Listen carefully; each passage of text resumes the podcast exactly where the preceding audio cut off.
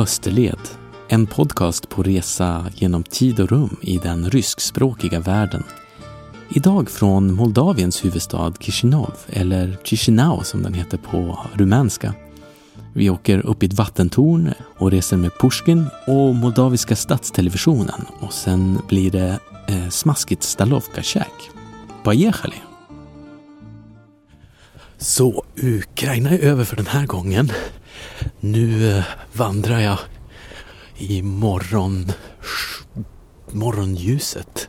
Det är inte riktigt, solen har inte riktigt gått upp än men jag är på väg till busstationen vid marknaden med min ryggsäck som har svällt och blivit lite tyngre. Ehm, för skorna jag köpte och jag har tagit med en, en picknick också med frukt som är lite hälsosamt avbräck från all georgisk eh, mat som jag har ätit de senaste dagarna. Ah, den här stan har inte riktigt vaknat än. Bara duvorna har vaknat. Eh, ja. Avfärd alltså i tidig morgon i Odessa. Lilla Moldavien är ett riktigt spännande ställe. Det är en flerspråkig före detta Sovjetrepublik som ligger mellan Rumänien och Ukraina. I sydöstra Europa alltså. Det är kanske ett ställe som man inte tänker på just varje dag eller ens en enda gång om året. Ni kan ju testa, när tänkte ni på Moldavien senast? Det var inte igår, och borde det ha varit det? Ja, jag vet inte. Man behöver kanske inte tänka på Moldavien varje dag, men man kan göra det då och då. För härifrån kommer ändå fint vin och god konjak och något fotbollslag som ni säkert har hört talas om i Champions League-sammanhang. Moldavien är ju ungefär som Ukraina kanske skulle ha varit om det var lite lantligare. Eller kanske som Rumänien skulle ha varit ifall Rumänien hade varit pyttelitet och ockuperat av Sovjetunionen under ett halvt sekel. Det där sista är ju förresten faktiskt bokstavligen sant. Okej, efter en eh, resdag mot Moldavien så har han nu landat i Kishinev. Ehm, och efter en marschutka in från busstationen så är jag på någon slags marknad. Eh, jag hoppade bara av där det passade men jag har inget simkort, ingen data, jag kan inte riktigt orientera mig. Jag är någonstans inne i stan eh, så det är ju bra i alla fall. Jag tror att eh, jag måste lyckas hitta något sätt att hitta ett simkort. Det är ändå första grejen i varje land när de sålde mig det ukrainska simkortet sa de att jag kunde ha roaming i Moldavien men tydligen inte. Tack och lov så hade jag 10 euro på mig som jag kunde växla på eh, busstationen vid Autogara Nord dit jag anlände. Och då fick jag, hur mycket fick jag? 190 um, ehm, lei nästan. Och det är mäktigt. En hamburgare kostar 25.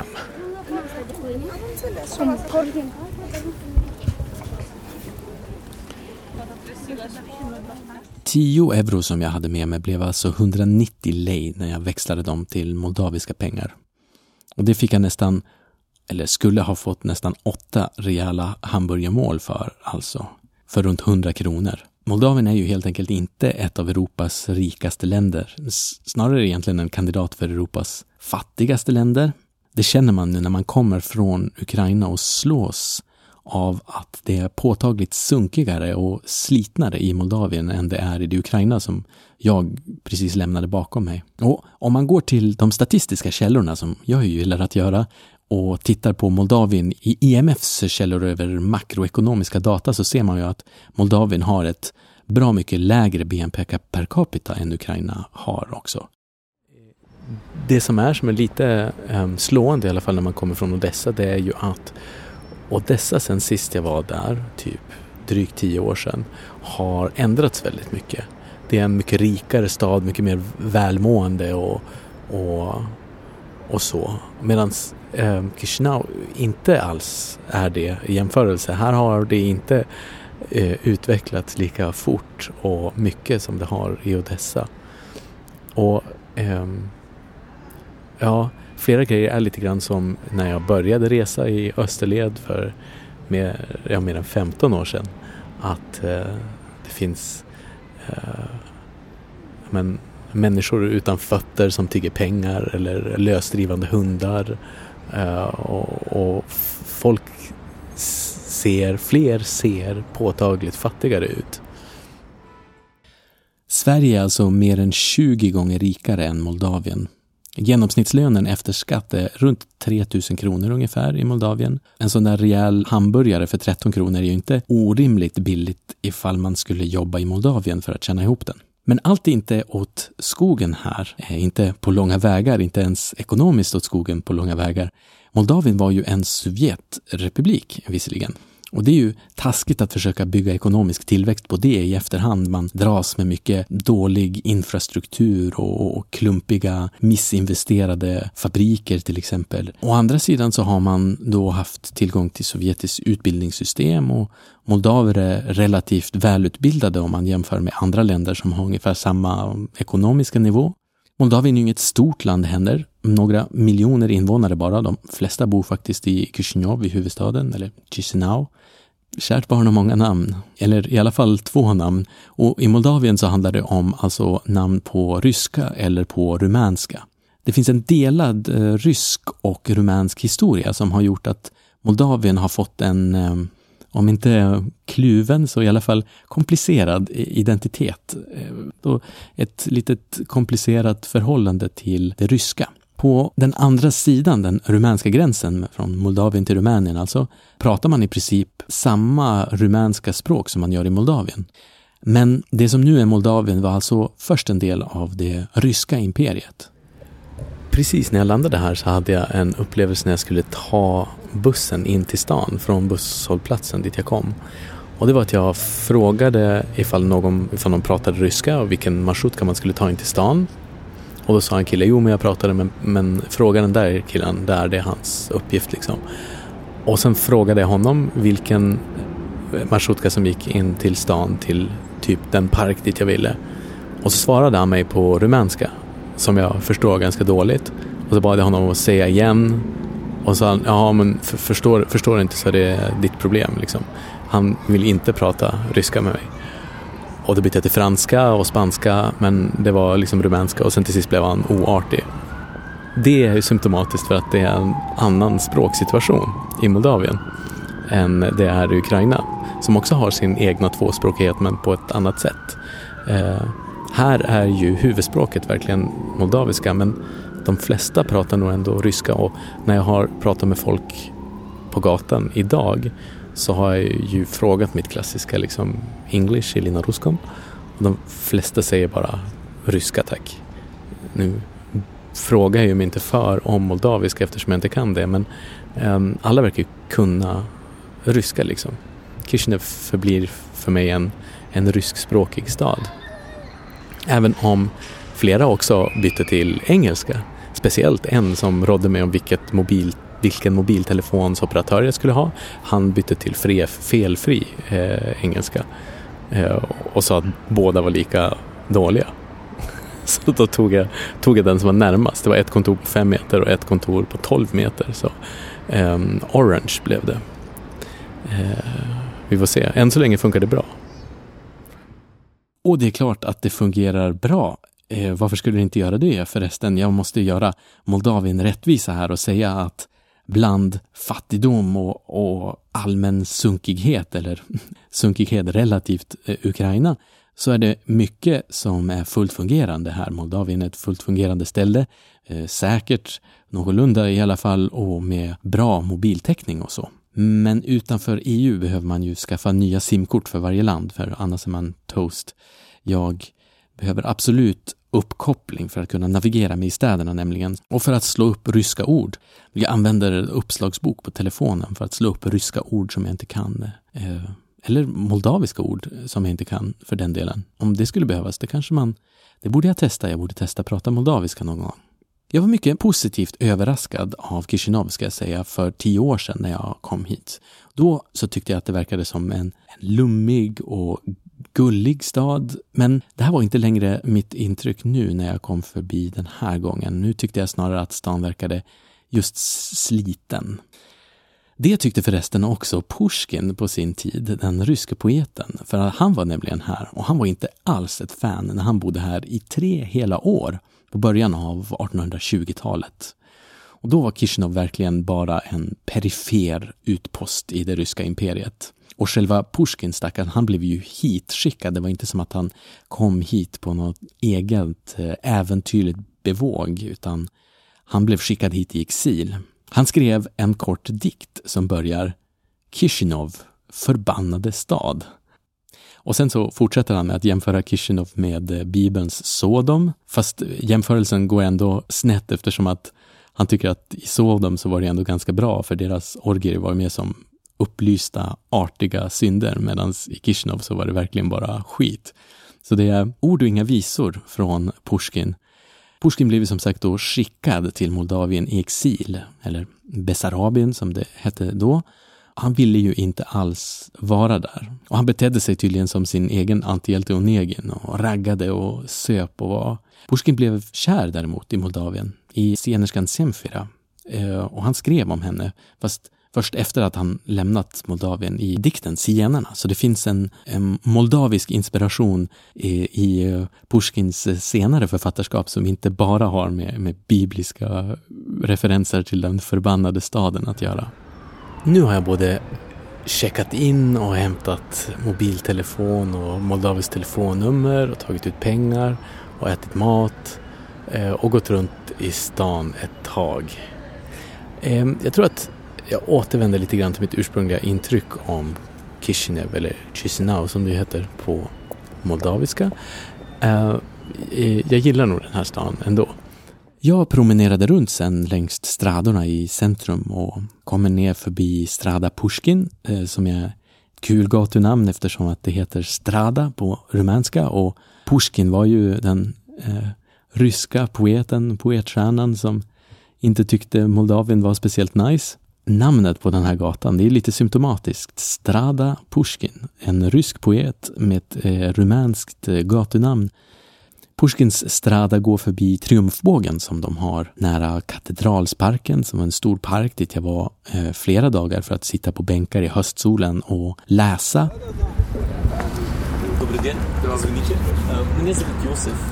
Jag passade på att haffa två killar som satt och pratade i parken för att fråga ut dem om Moldavien och det här med tvåspråkigheten.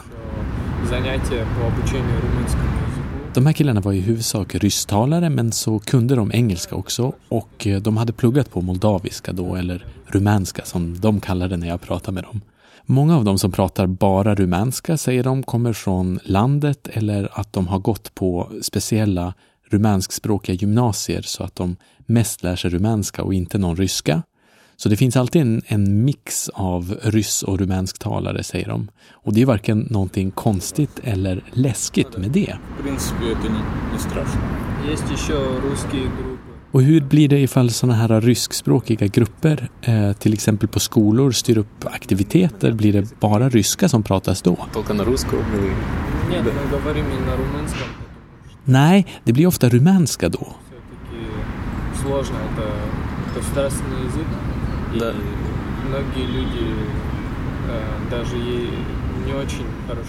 De förklarar att utan rumänska så är det komplicerat att vara i Moldavien.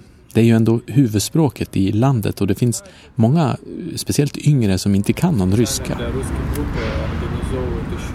Överhuvudtaget så verkade de här två ganska avslappnade inför tvåspråkigheten.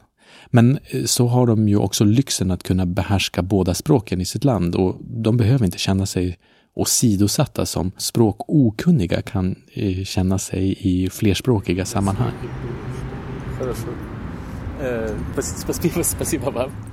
Jag tackade för mig där och tog mig vidare på Strada Pushkin eh, som tog mig tillbaka upp mot eh, centrum om jag hade känt att det fanns en friktion mellan språken i Moldavien, till exempel genom den där typen som blev otrevlig tidigare när jag frågade om bussen på ryska, så kände jag efter att ha pratat med de här killarna snarare motsatsen.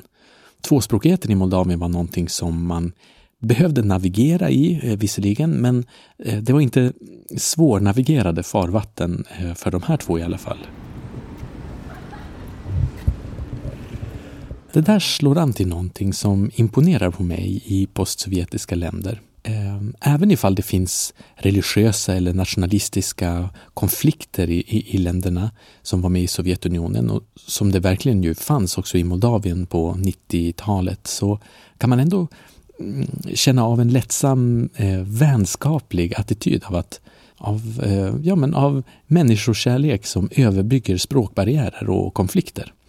Och ironiskt nog så kanske det är med hjälp av det gemensamma ryska språket som ju påtvingades många av de sovjetiska länderna. När jag var i Georgien till exempel så övernattade jag hos en armensk dam eh, i södra Georgien som hade en aserisk eh, tantkompis på besök och eh, pratade ryska med henne just som gemensamt språk. Om, de pratade om vardagliga byaangelägenheter och namn på hundar och de drack iste tillsammans och gjorde så vanliga och vardagliga trevliga saker fastän de länder som har blivit till där de föddes i, i princip nu låg i krig med varandra i Armenien och Azerbajdzjan alltså.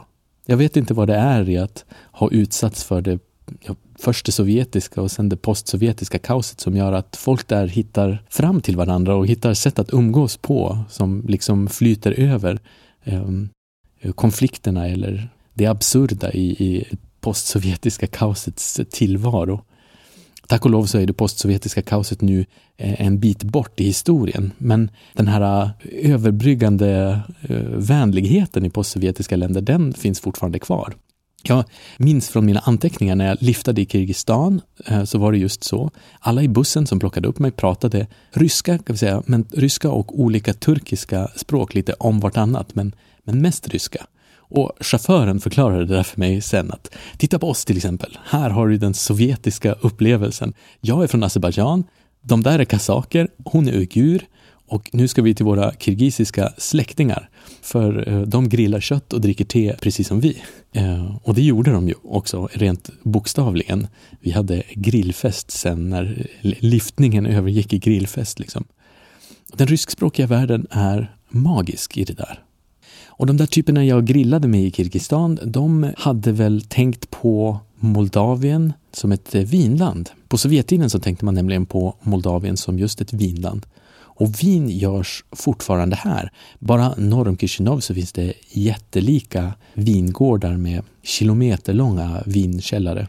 Vinindustrin i Moldavien har kanske haft det lite svårt efter uppbrottet från Sovjetunionen att, att hitta tillbaka och hitta sitt groove igen. Ehm, för vinälskare så finns det säkert några intressanta moldaviska uppstickarviner att eh, hitta fram på Systembolaget ifall man känner sig eh, som en vinäventyrare.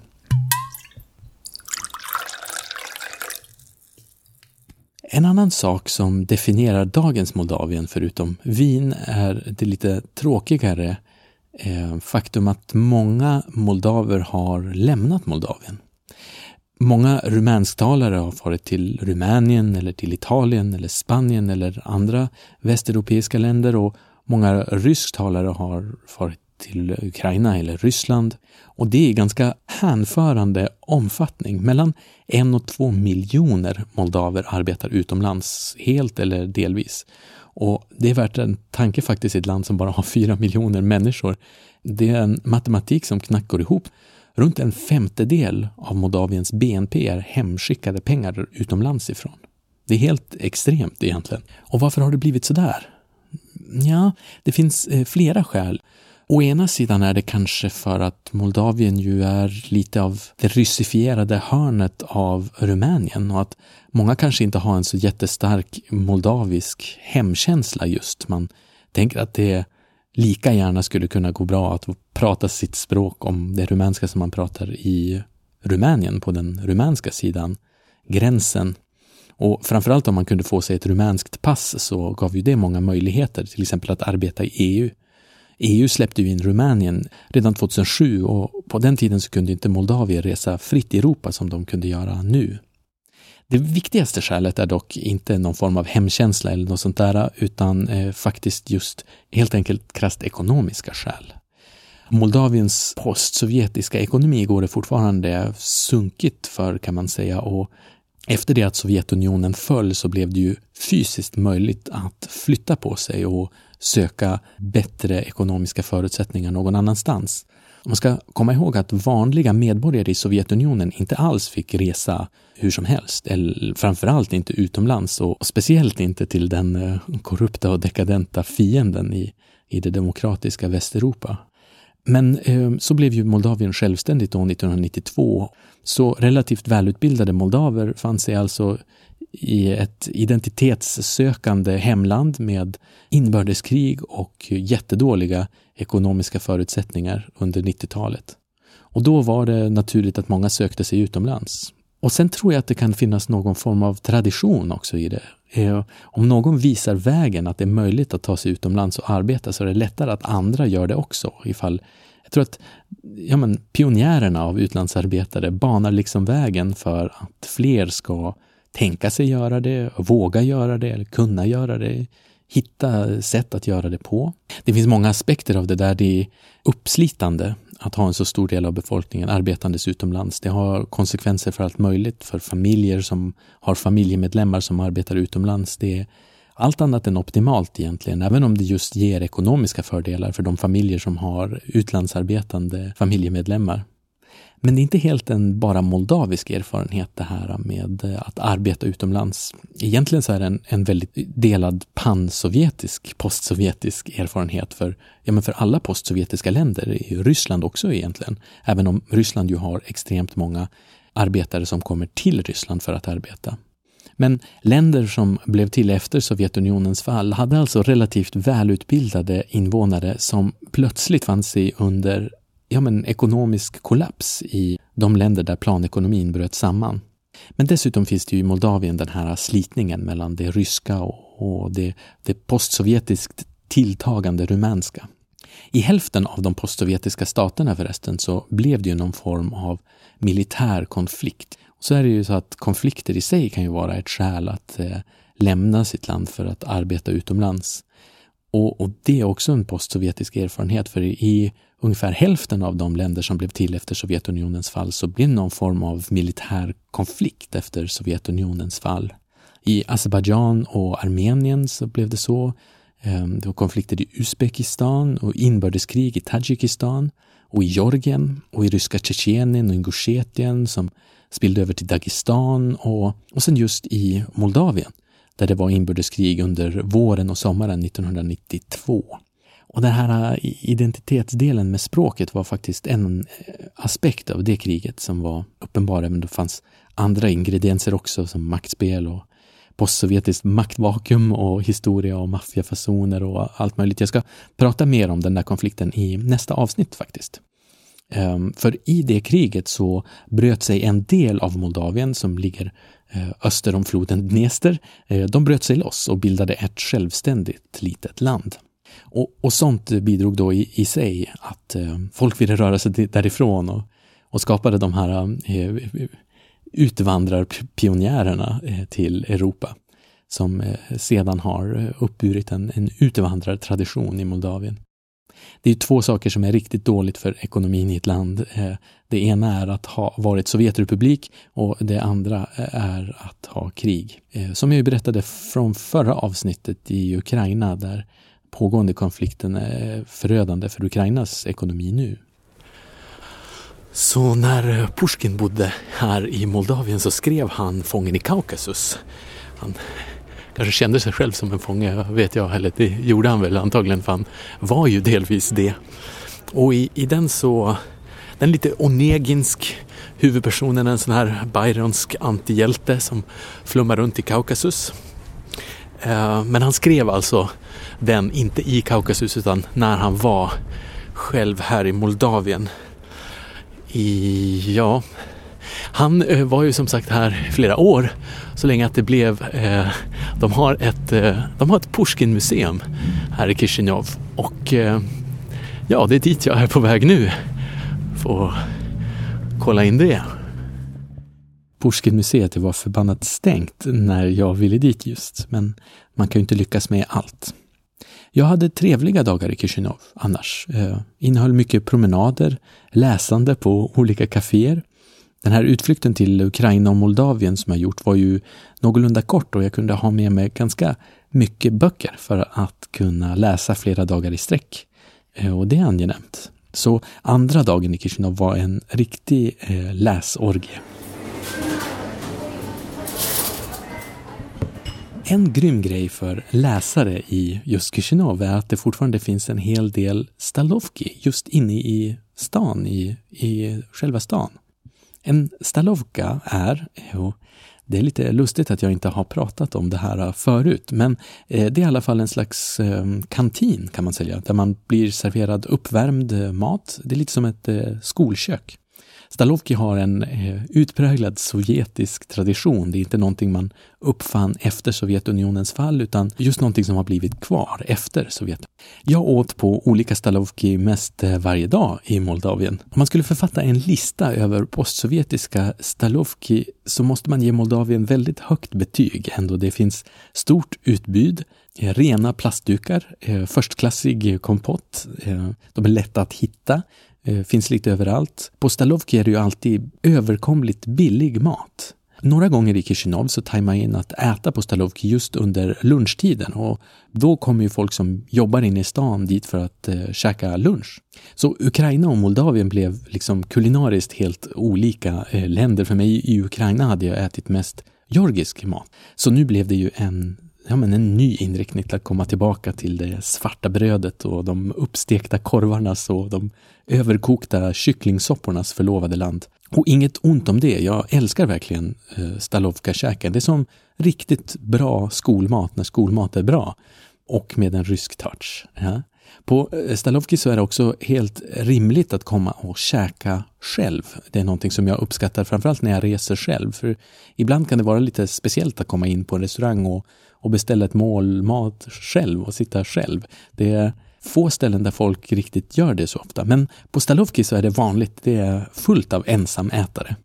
Och i Kishinev så var det dessutom eh, långbord så att man kunde träffa andra ensamätare eller integrera sig i, i grupper av gymnasiestudenter eller eh, eh, småprata med pensionärspar som går dit för att eh, äta efter sin parkvandring. Stalovki är, är mysigt och uppskattat av ensamresenären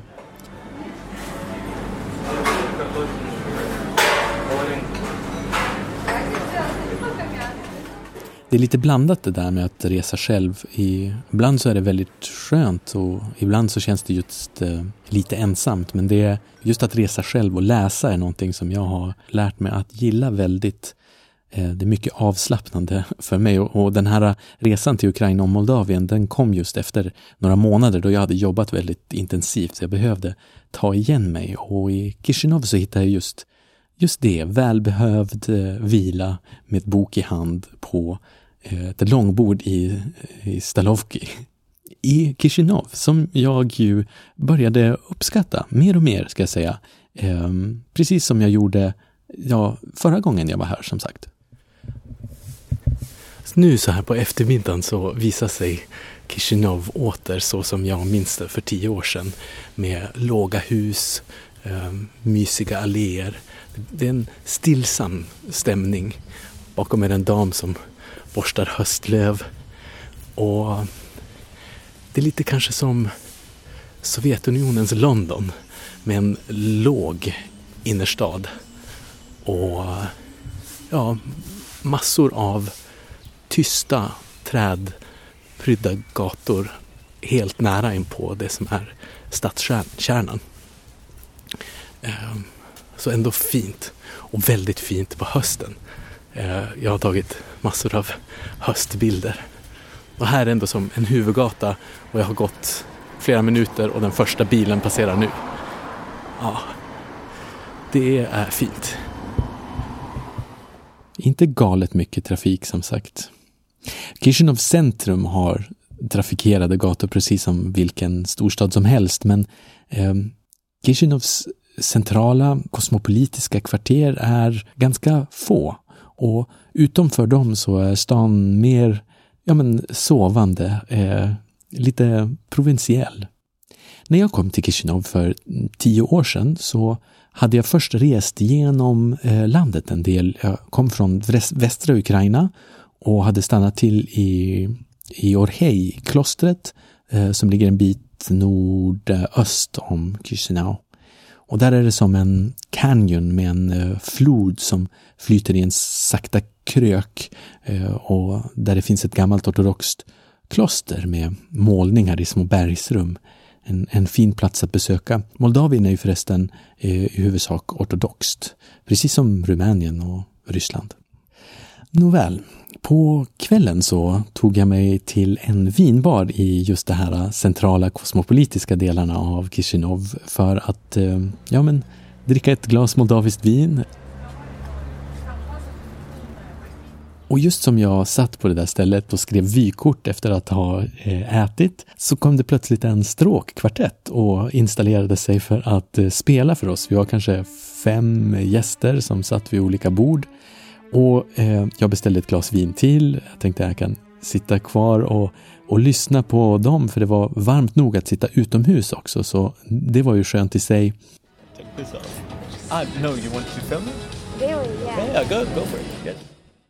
Plötsligt kommer alltså en journalist till mig och frågar om frågor till mig om, om min musiksmak. Eh, jag måste ju alltså vara en verklig musikälskare eftersom jag befann mig på det här stället där en stråkkvartett spelar. Så jag förklarade visserligen att det var en slump att eh, jag befann mig där för att dricka vin, men att jag visst gillar klassisk musik eh, och så. Och, och hon gjorde en intervju av mig. Good luck. Thank you so much. Thank you.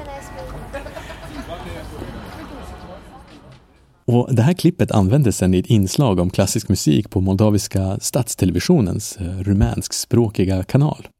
Så mm, ja, jag ser lite full och fånig ut i det klippet, men eh, ja, från Ukraina där jag bara var med i, i lokal-tv i Lviv Oblast så, eh, så ser jag det som ett steg uppåt att jag nu har tagit mig till den nationella televisionen i Moldavien. I Moldavien så kostar cigaretter bara 10 kronor paketet och nästan alla faktiskt av mina vänner hemma i Belgien röker, osmakligt nog. Så eh, sista dagen i Moldavien så köpte jag ett maxat antal cigarettpaket att ta med eh, till Belgien åt dem. Men då hade jag också blivit lite snuvig. För mycket eh, tv-intervjuer på vinbarer i, i kalla utomhusmiljöer kanske. Höstsolen värmer här sista dagen i Kishinev. Um, men jag vaknade lite småförkyld och har um, tagit sovmorgon istället för att fara ut på landet och sen suttit och druckit te och läst på ett café. Eh, vilket är ett bra sätt att återfå energin på. Nu känner jag mig väldigt peppad och ska ta och se om jag kan komma upp i vattentornet i Kishinev som de säger att man ska göra. Eh, det blir väl kanske det sista jag gör här idag innan jag tar mig härifrån.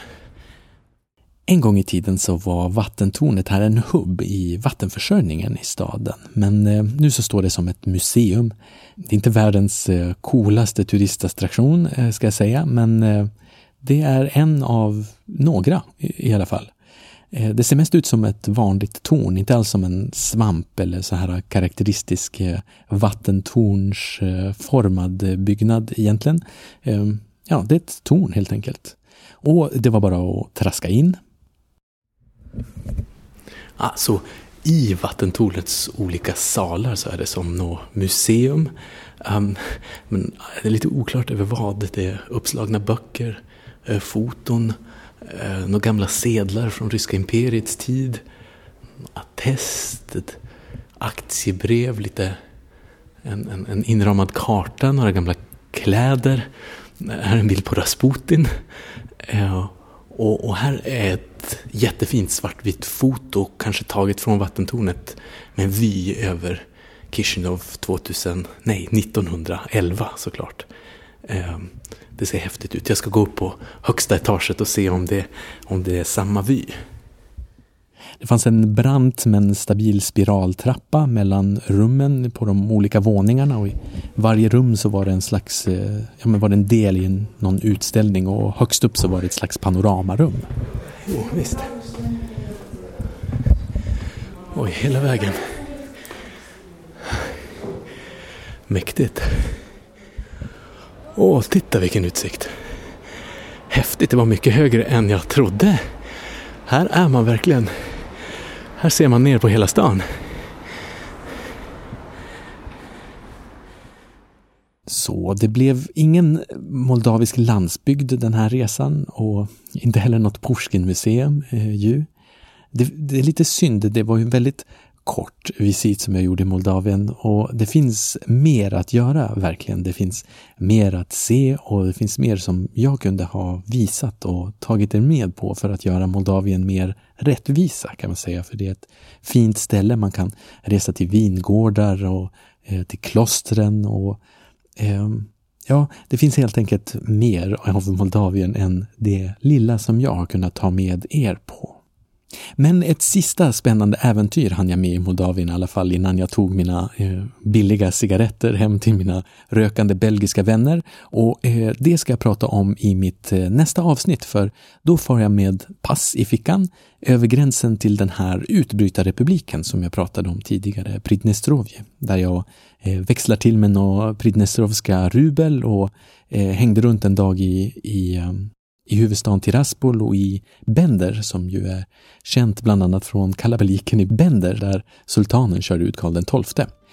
Om Karl XII hade levat idag så hade han förmodligen eh, stött min podcast genom att swisha ett bidrag till mina serverkostnader som jag annars står för helt själv eh, som glad entusiast. Som ni som lyssnar också skulle vilja göra det eh, så kan man swisha mig just ett bidrag och som tack, om ni vill, så skickar jag ett postsovjetiskt eh, tackvykort eh, till er. Eh, om man vill det. Nästa avsnitt blir alltså om Pridnestrovje och Transnistrien. Och eh, det ska bli kul. Vi hörs från Transnistrien alltså nästa gång. Eh, tills dess, eh, tusen tack, Moltemersk och eh, спасибо большое за внимание. Ha det bra. Hej då, пока.